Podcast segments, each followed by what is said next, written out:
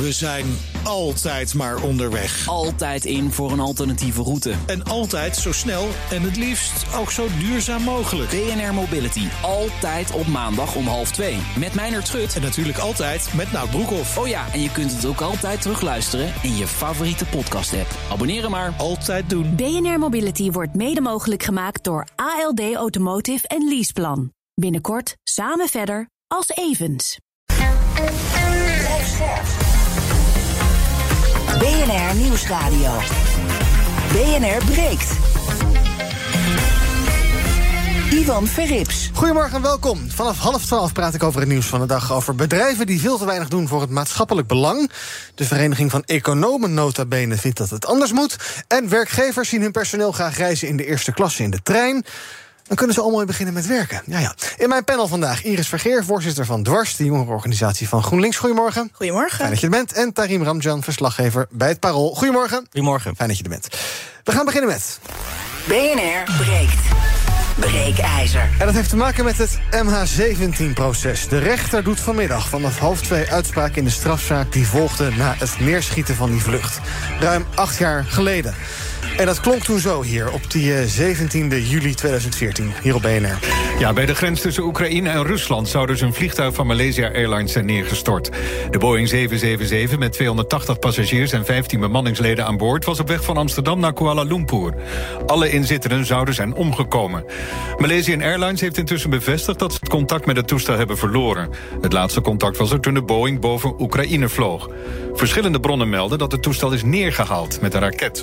Ja, dat was die donderdag, het begin van de avond, 17 juli 2014. En de rest is history, zou je misschien kunnen zeggen. Het gaat om vier verdachten, drie Russen en één Oekraïner. Het OM beschuldigt de vier van moord op alle 298 inzittenden van het toestel van Malaysia Airlines, onder wie bijna 200 Nederlanders. En het is een belangrijke dag, natuurlijk voor de nabestaanden, maar ook in de brede zin voor de samenleving, voor de burgerluchtvaart. Maar wat gaat deze uitspraak dan echt veranderen? Is er geen risico op een soort papieren tijger, onder andere omdat geen van de verdachten in Nederland is en dus een eventuele straf kan uitzitten?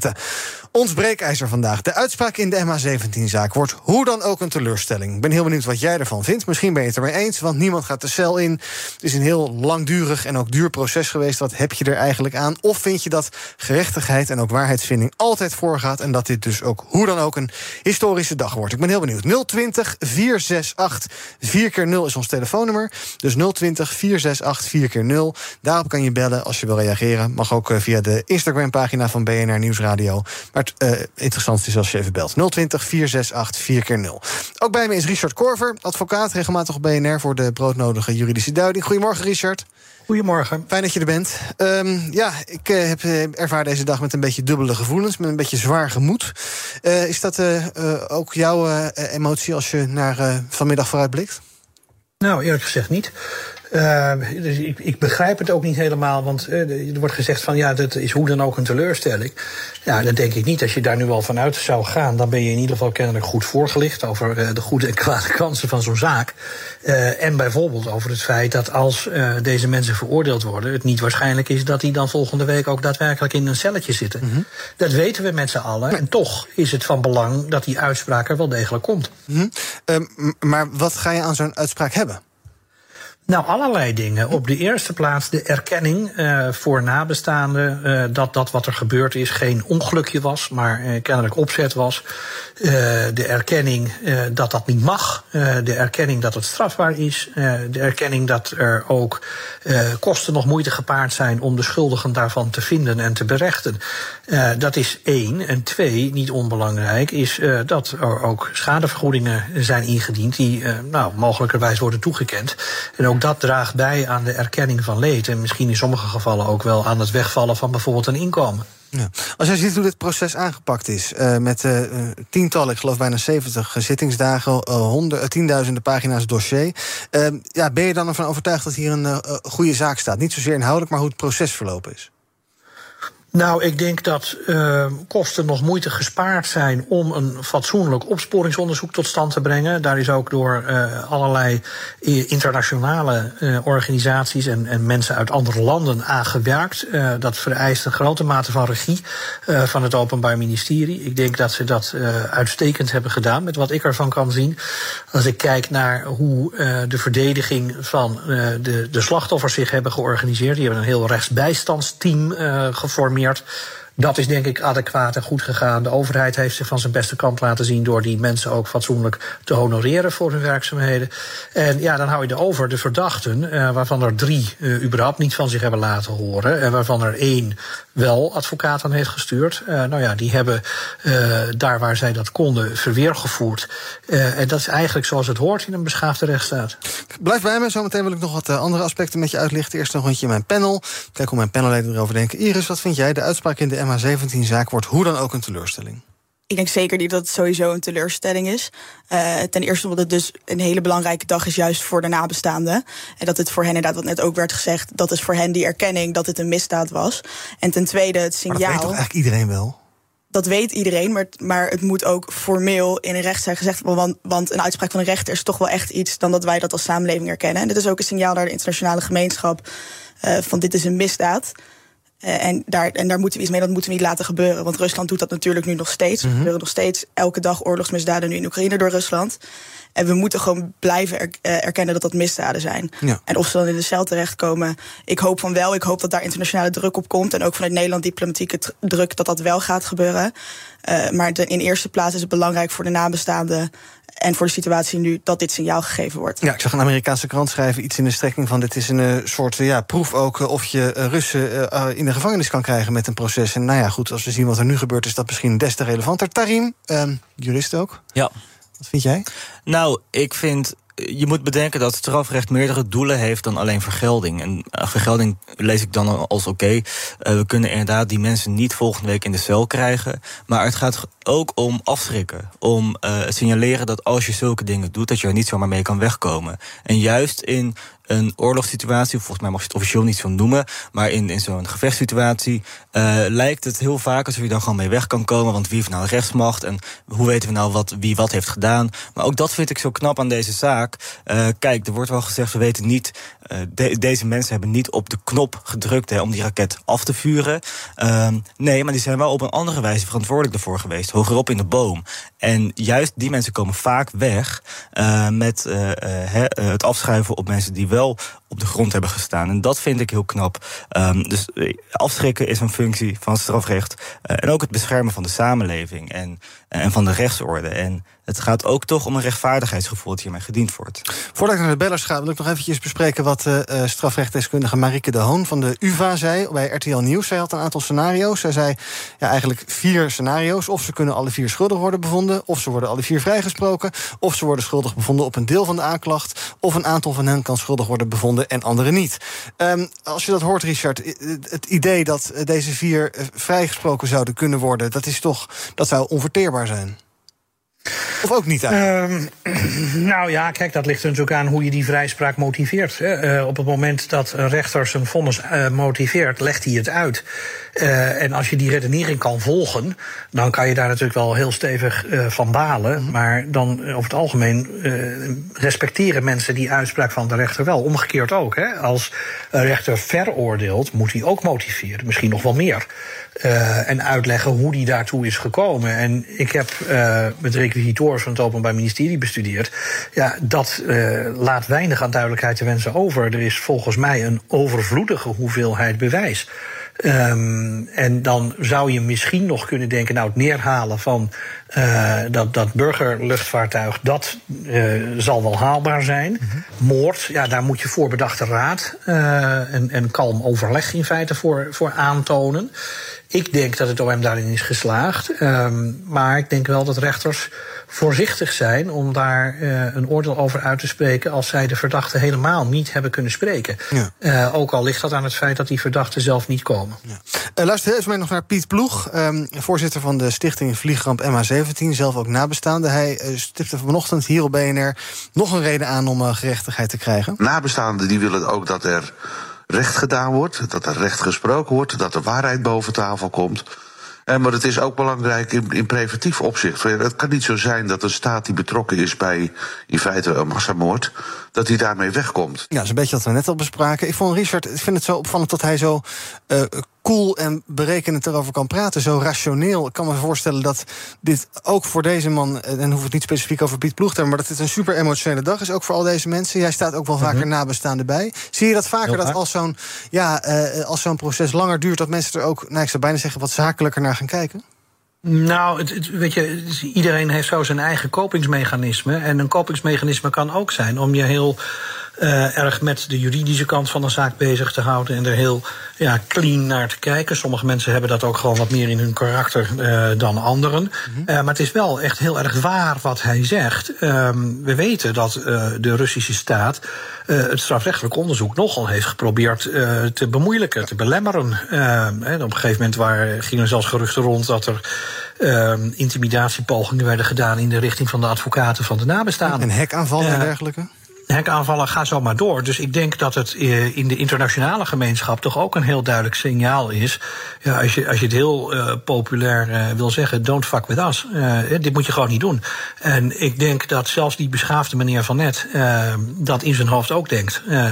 van, dit moet wel een heel duidelijk signaal zijn van dit kan niet, tot hier en niet verder. Ja, jij zei net even, de, de staat Rusland, daar wil ik zo meteen nog even met je over praten. Ook omdat er natuurlijk hier vier mannen terecht staan. En ja, wat zegt dat over de staat Rusland? Maar eerst even naar de bellers. Ik heb het al een paar keer beloofd, excuus voor het wachten. Ons breekijzer, de uitspraak in de MH17-zaak wordt hoe dan ook een teleurstelling. Ik ben heel benieuwd hoe jij erover denkt. 020 468 4 keer 0 als je wil reageren. Albert Jan, goedemorgen.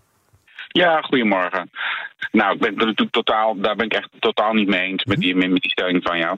Of uh, die gesteld wordt. Ik denk ook namelijk dat het, uh, maar dat kan Richard misschien beter zeggen, dat er voor uh, opsporing voor de verdachte met een veroordeling meer mogelijk is dan, dan wat nu gedaan wordt. Mm -hmm. Nou, ga ik zo even voorleggen aan hem. dank in ieder geval. Rob, goedemorgen.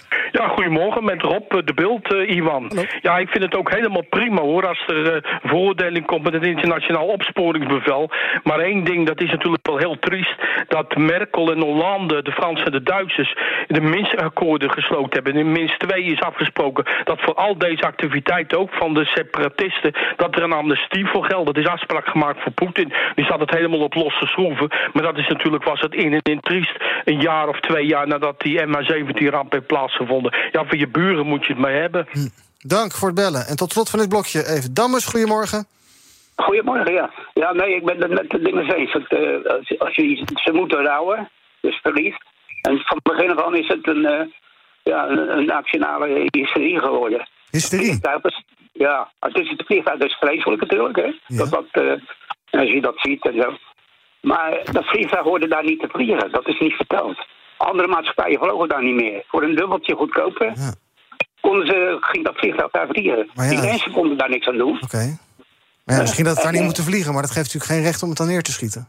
Nee, nee, nee. nee. Ik, ik, wil niet dat je, dat, dat, ik geloof niet dat je die uh, op die manier moet verbinden. Het gaat erom, je kan het van tevoren weten en de commissie heeft dat gedaan. Ja, dank, dank, voor het bellen, Dames. Dat wil ik gelijk even bespreken hier in de studio ook. Um, Tarim, nationale hysterie. Ik zou eerder zeggen misschien nationale uh, tragedie, nachtmerrie, uh, trauma. Ja, ik bedoel...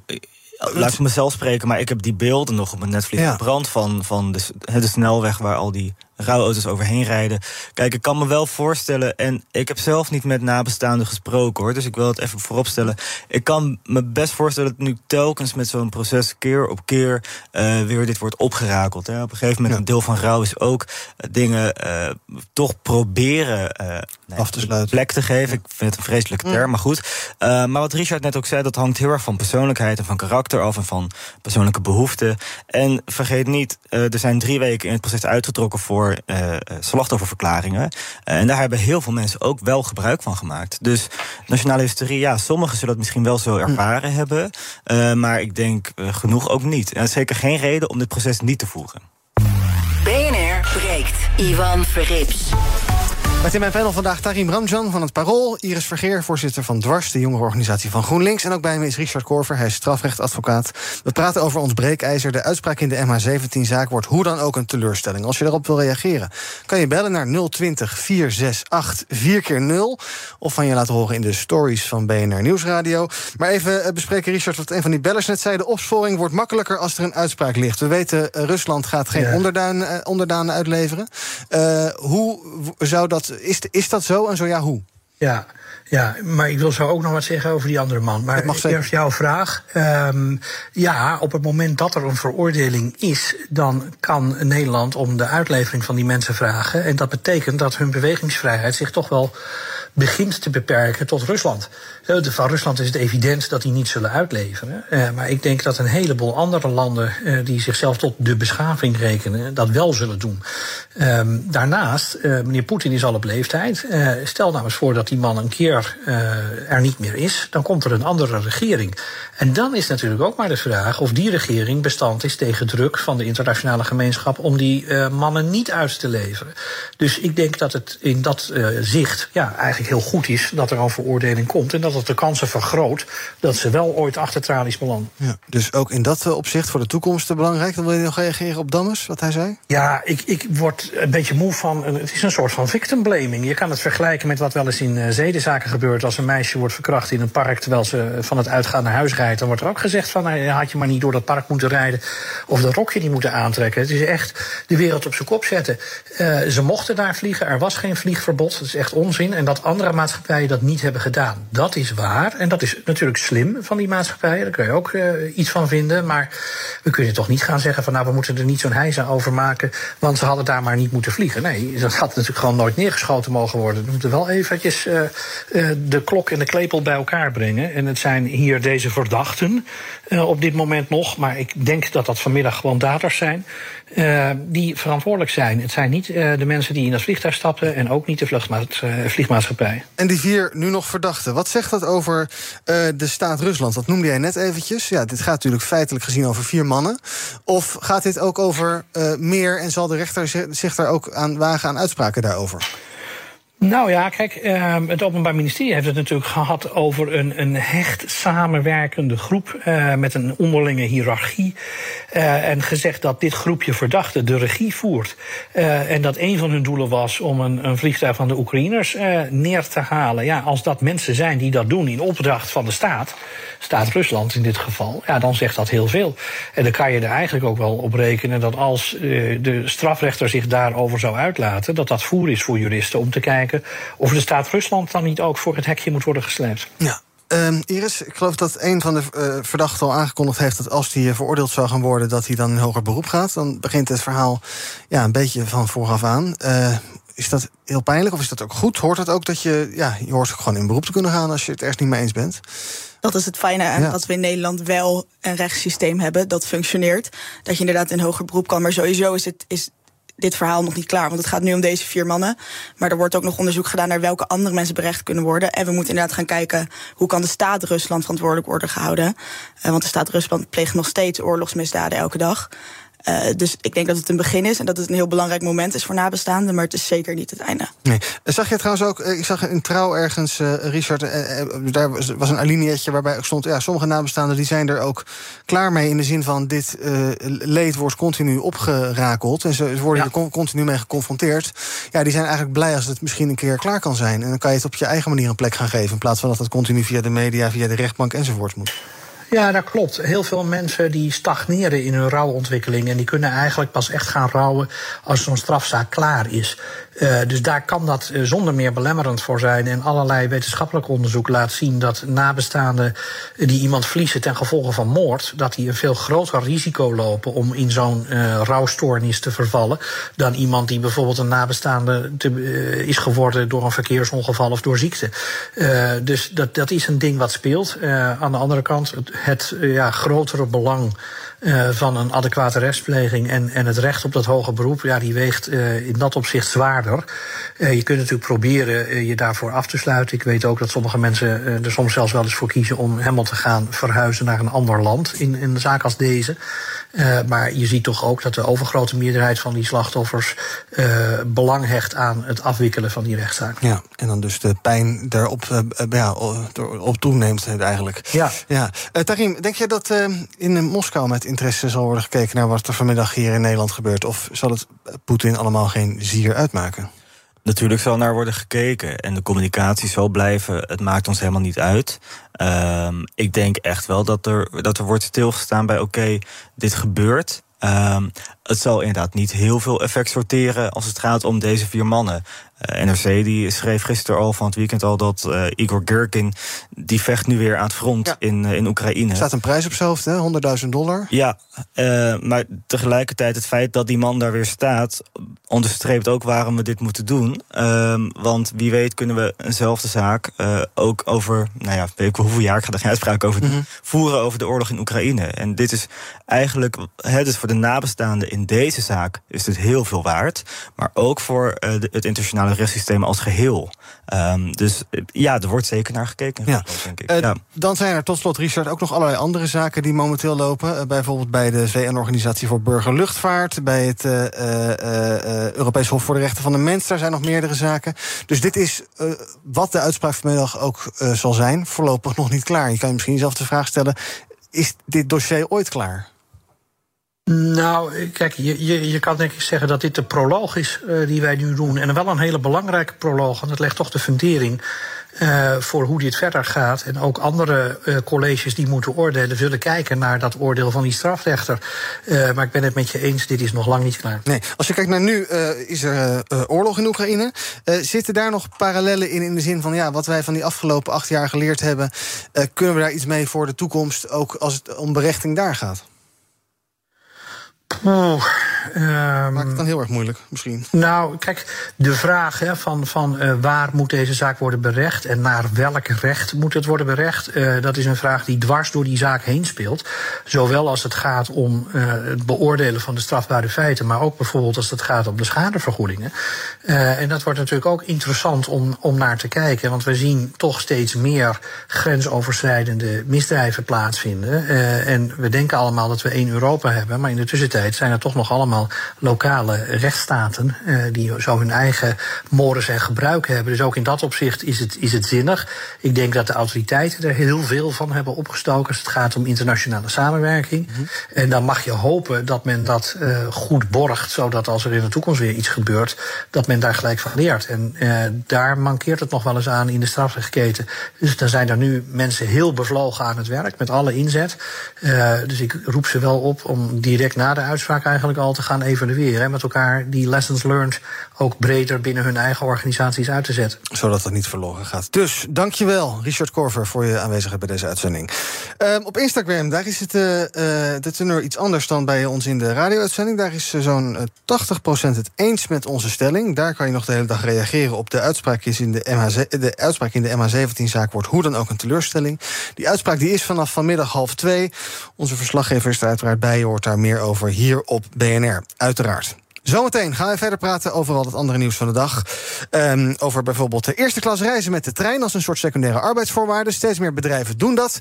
Maar wel op één voorwaarde: dat je dan ook vast begint met werken. Hoor je allemaal zometeen bij BNR Breekt.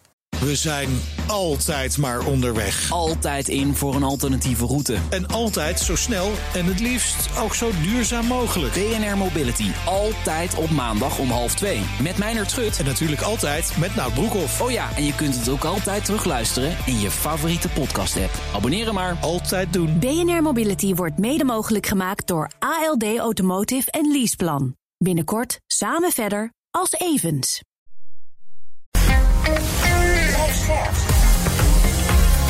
BNR Nieuwsradio. BNR breekt. Ivan Verrips. Welkom terug. In mijn panel vandaag Iris Vergeer, voorzitter van Dwars... en Tarim Ramjan, verslaggever bij het Parool. En wij gaan praten over het nieuws van de dag. Te, te beginnen met een opvallend artikel in de Volkskrant vandaag. De beroepsvereniging van economen vindt dat bedrijven... veel te weinig doen voor het maatschappelijk belang. Die uh, economen die hebben een uh, opiniestuk geschreven. Vinden dat bedrijven moeten meehelpen om maatschappelijke uitdagingen op te lossen. De gangbare theorie dat bedrijven geen enkele verantwoordelijkheid hebben en gewoon lekker ja, winstmaximalisatie uh, daarop uit moeten zijn, lijkt dus langzaamaan te verdwijnen. En Iris, toen jij dat vanochtend las, best wel een aardig, aardig stukje qua lengte. Stond je op de tafel te springen? Best wel, ja. Eindelijk. Ik, moet zeggen dat ik er wel vrolijk van werd. Uh, want wat we nu zien is dat bedrijven eigenlijk helemaal geen maatschappelijke verantwoording hoeven af te leggen. Die zijn helemaal niet democratisch ingericht. Wij hebben niks te zeggen over de keuzes die bedrijven maken. Hm. Terwijl wat ze doen wel maatschappelijke gevolgen heeft. En dat gaat natuurlijk over de klimaatcrisis. Maar wat je bijvoorbeeld bij Tata Steel ook ziet, gewoon directe gezondheidsschade in de omgeving. En dat die mensen daar zelf niks over te zeggen hebben. Ja, dan noem je ook gelijk een echt een, super extreem voorbeeld, denk ik. Uh, als in extreem in de zin van een, heel erg een uiterste. Een vervuilend bedrijf. Ja. Uh, uh, hoe zou, zou, zouden we daar dan gewoon helemaal mee moeten stoppen? Of zou je dat misschien ook anders kunnen inrichten dat het wel door kan gaan? Uh, ik denk in het geval van Tata Steel denk ik niet dat het door kan gaan. Uh, denk ik dat dat, dat dat echt moet stoppen, omdat de gezondheidsschade nu gewoon te groot is. Tenzij je een manier vinden om door te gaan zonder milieuschade en, mm -hmm. en zonder gezondheidsschade. Ja. Maar dat lijkt me erg ingewikkeld. Maar in het algemeen, uh, niet alleen bij die, bij die uitersten, maar elk bedrijf is natuurlijk meestal vooral op winst gericht. En hoeft die keuzes niet maatschappelijk te verantwoorden. Mm -hmm. En dat is gewoon een heel groot probleem op een hele grote schaal. Ja, maar goed, bedrijven moeten er ook jaarverslagen maken. Die hebben aandeelhouders, die hebben ook allerlei doelen als het gaat om sustainability, diversiteit enzovoort. Dus die verlangen toch ook steeds meer naar ja, uh, betrokkenheid uh, en niet alleen maar maximaal euro's ergens uitslepen?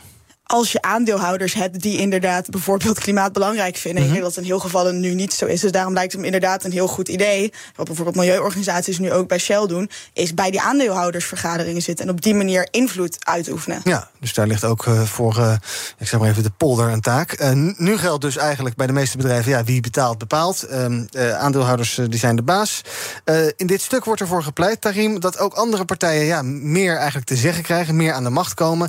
Werknemers, omwonenden omwonenden bijvoorbeeld. In het geval van uh, nou ja, bedrijven die dus een grote impact hebben op een omgeving. Ja. Uh, zou je het een goed idee vinden dat je dat formaliseert? Een uh, raad van omwonenden of iets dergelijks? Of nou ja, werknemers hebben natuurlijk al OR-achtige constructies. Maar dat dat, dat dat meer is, dat meer die maatschappij bij die bedrijven binnenkomt, ook aan de, in de boord? Je kunt er in elk geval mee experimenteren. Wat je nu merkt is dat overheden die blijken niet helemaal in staat om uh, zeker in, in de, deze geglobaliseerde wereld, waar uh, bedrijven in heel veel landen actief zijn en makkelijk van vestiging kunnen veranderen, die blijken niet helemaal in staat um, om uh, regels op te leggen die werkelijk voldoen aan de behoeften van bijvoorbeeld omwonenden of maatschappelijke organisaties of gewoon algemene belangen, zoals je aan de klimaatverandering tegengaan. Um, dat kan een maatschappelijke organisatie wel beter. Ik vraag me wel af hoe ga je dit inderdaad formaliseren? Hoe ga je zeggen van oké, okay, bij dit bedrijf mogen die en die omwonenden wel inspraak leveren en bij andere bedrijven niet? Want dan kun je natuurlijk ook het hele bedrijfsleven lam leggen. Maar daarom denk ik, experimenteer er gewoon vooral mee. Probeer het in een aantal sectoren. Probeer het bijvoorbeeld bij bedrijven die een bepaalde uh, mate van vervuiling al uh, daarvoor zorgen. Um, en kijk wat het doet. Ja, heb jij idee hoe dit vorm kan geven, Iris? Ik zou zeggen, laten we beginnen bij de grootste uitstoters. -hmm. En daar inderdaad bij, bij de aandeelhoudersvergaderingen zorgen dat daar andere belangen ook vertegenwoordigd worden.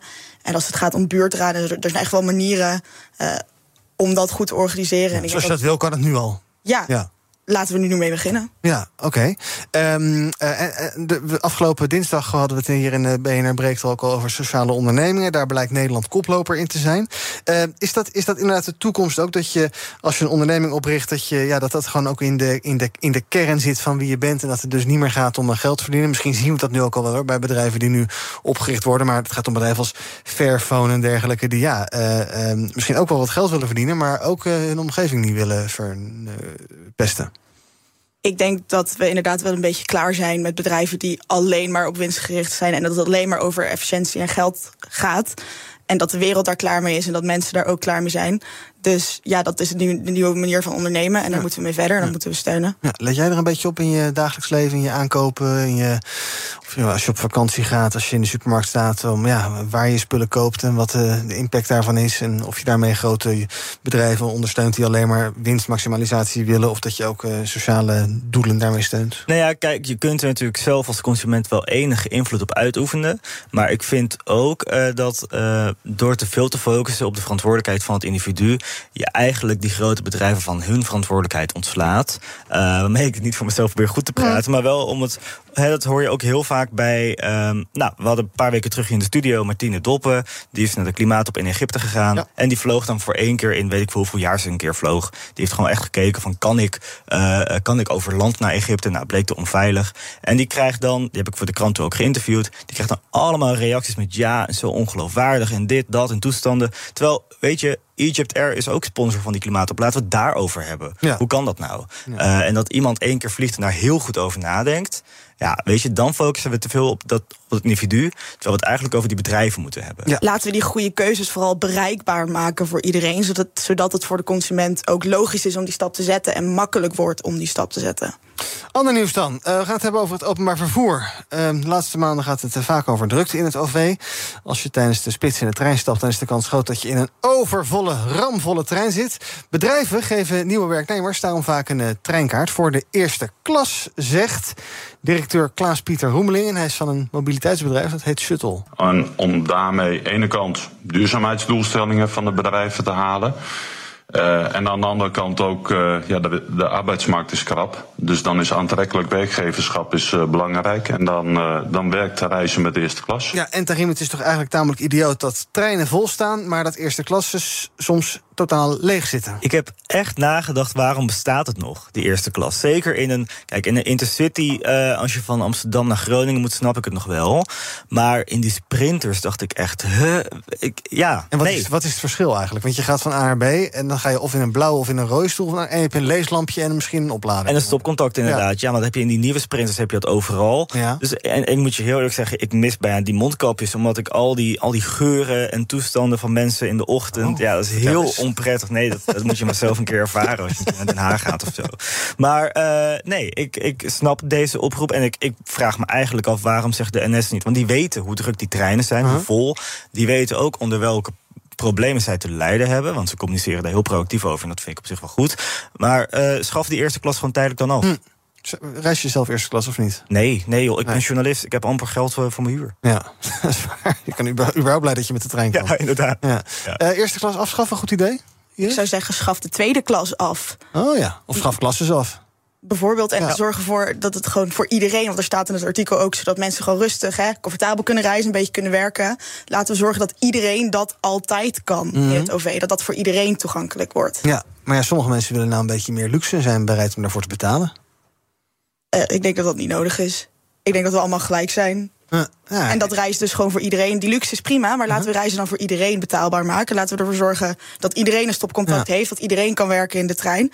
En gewoon investeren in comfortabel goed OV voor ja. iedereen. Ja, of investeer in comfortabel thuiswerken. Als je dat dan echt wil hebben, die eerste klas. Uh, First klas thuiswerken. Nou, maar weet je, doe dat dan. Dat doet het Rijk natuurlijk. Die heeft mensen, weet ik veel hoeveel, 100 euro gegeven... om te investeren in een goed bureau of een goede stoel. Weet Graag, graag gedaan, ja. Ja, nou ja, dat, uh, dat kan je doen. Um, en inderdaad, dat betalen voor luxe, ja, fijn als je dat kan. Maar die afstanden in Nederland, ja, weet je, het is ook niet alsof je echt hele dagen in de trein nee. zit. Nou, ik geloof dat de Nederlandse spoorwegen er wel eens naar gevraagd is. En dat ze dan zeggen, ja, als wij die eerste klas gaan afschaffen... dan gaan er allerlei mensen die nu in de eerste klas reizen... namelijk allerlei zakelijke typjes... die gaan dan uh, met de auto naar werk, dan bereik je ook niks. Nou, fijn. Ik denk dat het OV nu druk genoeg is om de treinen alsnog wel vol uh, te krijgen. Dat we eerst ja, naar die personeelstekorten moeten kijken. Dat is het probleem voor die mensen. Die hebben geen zin in zo'n volle trein. Die willen lekker met hun laptop kunnen zitten, beentjes uitstrekken, krantje lezen, kopje koffie ernaast. Ja. ja en daarom moeten we dus uh, heel hard vechten voor, voor dat, voor dat NS-personeel. Ervoor zorgen dat die lonen beter worden, dat de werkomstandigheden beter worden, zodat het personeelstekort wordt opgelost. En er daardoor ook weer meer treinen rijden. En het uiteindelijk uh, voor iedereen rustiger en beter wordt in het OV. Ja. Dus dat is waar je dan op moet focussen. Ja, ik geloof niet dat jullie het heel interessant aanbod vinden. Eerste klas abonnement bij een baan. Nou ja, kijk, toch wel. Ja, voor mij werkt wel. Voor eerst, mij eerst nu heel uh, moreel verheven doen en als het aanbod komt, dan denk ik, oh, dat is toch wel leuk. Kijk, voor mij werkt boeit het niet, want ik moet gewoon in de stad blijven. Ja. Uh, kijk, tuurlijk, het klinkt aanlokkelijk, maar ik, toch, ik snap het niet. Want de NS zegt dan, oké, okay, die mensen gaan dan met de auto. Ja, oké, okay, maar de winst van al die andere mensen die nu met de auto gaan... maar die trein te vol is... Ik, ik ben toch wel benieuwd naar die cijfers. Ja. Ik geloof het gewoon niet helemaal. Ik uh, reis behoorlijk veel met de trein. Ja. Ik vind het alleen heel irritant dat de tweede klas inderdaad geen stopcontact heeft en de eerste klas ja. wel. Maar verder maakt het me echt niet uit op welke kleurstoel ik zit of waar ik zit. Ja. Zolang ik er maar kom. En dat lukt de laatste tijd soms ook niet. Dus zolang dat wel lukt, ben ik uh, tevreden. Ja, liever de basis even aanpakken dan dat we allerlei luxe gaan. En ik las in nieuwe treinen zitten in de tweede klas ook uh, stopcontacten. Dus nou ja, er is Gelukkig wel een verbetering wat dat betreft. Alright, dan gaan wij naar. We zijn altijd maar onderweg. Altijd in voor een alternatieve route. En altijd zo snel en het liefst ook zo duurzaam mogelijk. BNR Mobility. Altijd op maandag om half twee. Met Meijner Schut. En natuurlijk altijd met Nout Broekhoff. Oh ja, en je kunt het ook altijd terugluisteren in je favoriete podcast-app. Abonneren maar. Altijd doen. BNR Mobility wordt mede mogelijk gemaakt door ALD Automotive en Leaseplan. Binnenkort samen verder als Evens. Goede mensen vind je razendsnel op Temper. Plaats je shift op het platform en kies zelf uit duizenden freelance professionals op basis van hun ratings en skills. Van 1 tot 100 man, voor één shift of regelmatig, je vindt ze op Temper. Al vanaf 18,90 per uur. Temper, shift your workforce. Ja, ik zie hem nu op scherm, hoi. BNR breekt. Heel fijn. En ook te volgen dus via bnr.nl kan je kijken als je het leuk vindt. Live in Sertogenbos. We gaan kijken naar uh, wat uh, mijn panelleden op was gevallen nieuws. Iris, jij wil praten over COP27, klimaatverandering. Wat blijkt, vrouwen worden vaak harder geraakt door klimaatverandering dan mannen. Dat moet je even uitleggen. Nou, dat komt bijvoorbeeld uh, omdat vooral de armeren in de samenleving getroffen worden, klimaatverandering. En 75% van de, van de 1,3 miljard wereldbewoners die onder de armoedegrens leeft, is vrouw. Dus dat is een bizar verschil. En in Nederland is het bijvoorbeeld ook omdat minder vrouwen een huis kopen. Wat betekent dat ze afhankelijk zijn van hun verhuurders en daardoor niet kunnen isoleren. Uh, en in landen waar heel veel droogte is, is het meestal de taak van de vrouw om het water te halen, wat door die droogte nu steeds gevaarlijker wordt. Dus dat zijn redenen uh, dat, dat dat voor vrouwen lastiger is. En het grootste probleem is nu dat op die kop toch vooral mannen staan. En dat uh, het vooral ook machtige witte mannen de afgelopen decennia zijn geweest die de klimaatverandering veroorzaakt hebben. Mm -hmm. En we kunnen het gewoon niet hebben dat dat probleem wordt opgelost door de mensen die het gecreëerd hebben. Dus we moeten ervoor zorgen dat degenen die nu slachtoffer daarvan zijn, dat die meepraten over de oplossingen. Ja, maar je kan niet andere vrouwen uitnodigen. Ik bedoel, meer, hoe, hoe zou je dat willen zien? Nou, gewoon meer vrouwen in, in beslissende rollen. Nou ja, ik zag een die... fotootje van de wereldleiders die er zo gezellig met z'n allen op stoepjes stonden. Daar zat uh, heel divers. Één, één vrouw tussen. Precies, ja. En dat moet echt veranderen. Ja, dus dat is een oproep aan uh, iedereen om uh, nou ja, uh, vrouwen te verkiezen. te kiezen op plekken waar dat kan, toch? Ja, en om misschien, als, als je geen vrouwelijke premier hebt, ja. wel een vrouw ook in ieder geval naar die kop te sturen. Te zorgen dat ze daar meepraat. En hetzelfde geldt voor, bijvoorbeeld voor mensen van kleur. Ja, er is een, was een heuse genderdag op die kop 27. is het je het dan ook een beetje ongeloofwaardig dat daar allerlei mannen gaan praten over. Nou, hoe moeten we nou eens even ook zorgen dat het voor vrouwen wel allemaal wat minder erg is? Nou, ik vind het in ieder geval heel fijn dat dat probleem aangekaart wordt en dat ze dat zien. Uh, maar het is in ieder geval, wat ik net ook al zei, het is wel heel belangrijk dat vrouwen daar zelf over meepraten. Ja. Want mannen kunnen er inderdaad wel over praten, maar uiteindelijk zullen die dat niet ervaren op de manier dat die vrouwen die daar nu slachtoffer zijn, doen. Ja, ik heb het ook nooit zo beseft wat jij zei dat, uh, uh, meer, dan, uh, de, dat meer dan de helft van mensen die in armoede leven, dat dat vrouwen zijn. Ja, 75 procent, daar schrok ik ook heel erg van. Nooit geweten.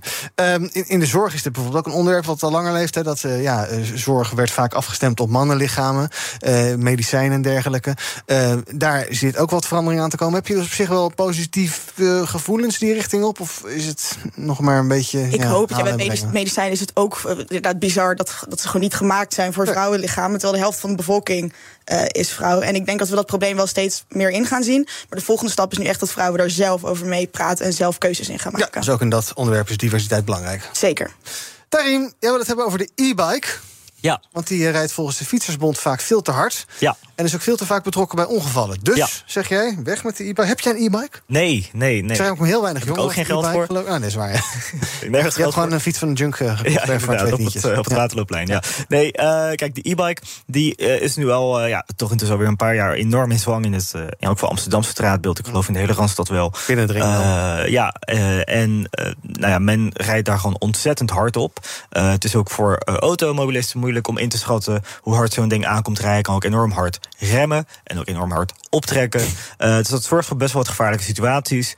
Um, en het gaat er inderdaad uh, al snel om de Van Moof, maar ook om fatbikes. Het zijn fietsen met hele dikke oh ja. banden. Super lelijk. Uh, ja, ik vind het wel wat te hebben. Ja? ja? Zo, zo, zo, zo, zo laag zijn ze. Ja, maar het lijkt een beetje op een quad. Een beetje de poor man's quad. Er zitten ook vaak veel te dikke mensen op. En die trappen dan niet, maar zitten alleen aan het hendeltje te trekken. dat, dat zijn jouw bevindingen. Ja, dat klopt. Ik maak me dan wel weer zorgen om bijvoorbeeld 10 en 11-jarigen op zo'n e-bike. Die gewoon niet leren wat het is om in de regen naar school te moeten trappen op je fiets. En niet vooruit te komen. Eh, Of in regen en de wind. Mhm. Eh, want ja, dat ding stuurt je toch al vooruit. Nou, anyway.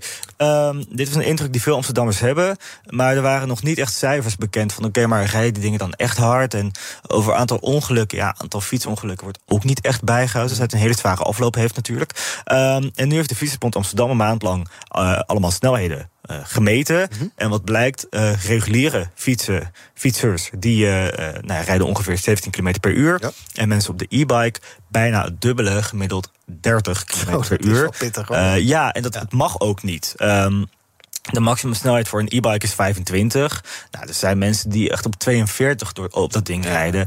En als je nou echt van. eh, als je nou op Schiphol werkt en je moet daarheen, dan snap ik het nog. En dan moet je gewoon een afstand afleggen. Mhm. Maar midden in de stad, tussen de auto's, trams, mensen, toeristen, anders nog mensen. eh, dat, Wat is jouw pleidooi? Ehm, nou ja, kijk, ik, ik ga niet als verslaggever pleiten voor een verbod of iets in, in die trant. Ik denk wel, wat sowieso wijsheid is, is om gewoon verantwoord om te gaan met dat ding. En na te denken van. Ik, kijk, als ik er eentje zou aanschaffen, zou ik mezelf gewoon hard op de vraag stellen: heb ik dit nodig? Nou, zo ja, oké. Eh, wanneer zet ik hem op, eh, nou ja, 25? Heb, harder mag eigenlijk niet. En wanneer niet? En dat, dat zou ik dus niet doen midden in de stad op drukke kruispunten. Eh, eh, wat vind je van eh, jongeren en e-bikes, Iris? Ik zag laatst ergens in een van de kranten een parool. Iemand die zei, eigenlijk ben je toch achterlijk... als je 18 of 22 of 25 bent en je koopt een e-bike. Ga lekker trappen, is veel beter. Ik had er vanochtend graag eentje willen hebben. Snel fietsen door de regen naar het station. Eh, ik denk dat het wel een duurzame oplossing kan zijn. Als je inderdaad net iets van 30 kilometer van je werk woont. Dan lijkt het me voor veel mensen een fijne. En als dan de keuze is een auto kopen of een e-bike... Precies. Ik denk dat heel veel jongeren ook niet in financieel in staat zijn om een auto te kopen. En dan kan dit een hele Nou ja, fijne E-bike kan oplossing ook duur zijn, hoor. Zo. Zeker tot de 2000 euro. Ik heb eh, ooit een Ford K gehad, mijn eerste auto. Die was 800 euro. Nou, daar koop je geen nieuwe e-bike voor. Nou, nee. kun je nagaan. Nou, goed. Dat, tot zover. Dus geen, echt niet echt een conclusie aan. Maar... Nou ja, en misschien ook de weginrichting. Daar moet ook even goed op letten. Dat inderdaad Ja. die fietsstromen... Kijk, de fietspaden zijn niet voor gemaakt. En ik moet er wel nog bij zeggen... twee derde van de Amsterdammers voelt zich onveilig Hm. in het verkeer. Dat heeft de gemeente eh, becijferd. En dit is wel een groot aandeel daarin. Dus ja, het is toch een oproep. Ik ga niet heel snel verbieden, maar ga er gewoon bewust mee om. Heel goed. Gaan wij nog even kijken wat er trending is op de socials. Hashtag Matthijs van Nieuwkerk, hashtag Volkskrant houdt de gemoederen bezig. Mensen wachten op een eh, Juice-artikel dat dit weekend wordt verwacht in de Volkskrant. Waarbij volgens eh, Mediacourant eh, Matthijs van Nieuwkerk zou worden gelyncht. In figuurlijke zin. D66 nog steeds het gesprek op de socials. Hebben we het gisteren over gehad. Die partij wil dat het makkelijker wordt om politieke partijen te verbieden. En krijgt er veel kritiek op, want ze doelen daarbij eigenlijk enkel op FVD. En mensen zijn sowieso erg kritisch op de socials vandaag. Ook al met een beetje oude koek, namelijk over hashtag verbrandingsmotor. De EU wil dat er in eh, 2035 alleen nog maar elektrische auto's worden geproduceerd. Veel mensen vinden dat niet realistisch. Weet niet waarom dat nu nieuws is, want dat is al geloof ik anderhalf week geleden besloten. Maar goed, whatever. Eh, tot slot nog eventjes naar eh, iets heel anders. Een paar minuten geleden is er een actie geweest op verschillende stations in Nederland. Zo ook op het Amstelstation in Amsterdam. En die actie is ter promotie van een korte film die straks om 12 uur op YouTube verschijnt. En die korte film is eh, onder andere gemaakt door Pieter Lossie, wat een prominent panellid is van BNR Breekt, adviseur van de VO-raad. Eh, en die film heet Vooruitblik. Moet een soort maatschappelijke dialoog aanwakkeren over de vraag hoe echte maatschappelijke vooruitgang eruit ziet. Luister even mee. Denk jij dat het ons echt gaat lukken om los te breken uit de illusie van vooruitgang, zodat kinderen echt op ons kunnen rekenen? Dat ligt eraan. Je leven op deze aardbol is niet oneindig. Maar je impact is dat wel. Dus, hoe wil jij vooruit? Ja, hoe wil jij vooruit? Dat is de vraag. Onze stagiair Matthijs Meerman is op het Amstelstation. Waar onder andere Pieter Lossie is, maar nog veel meer andere mensen. Wat, wat gebeurt er allemaal? Er is iets met een roltrap gebeurd, geloof ik, hè Matthijs? Ja, klopt. Eh, op dit moment zijn er eh, twee mensen eh, naar boven aan het lopen op een roltrap die naar beneden gaat.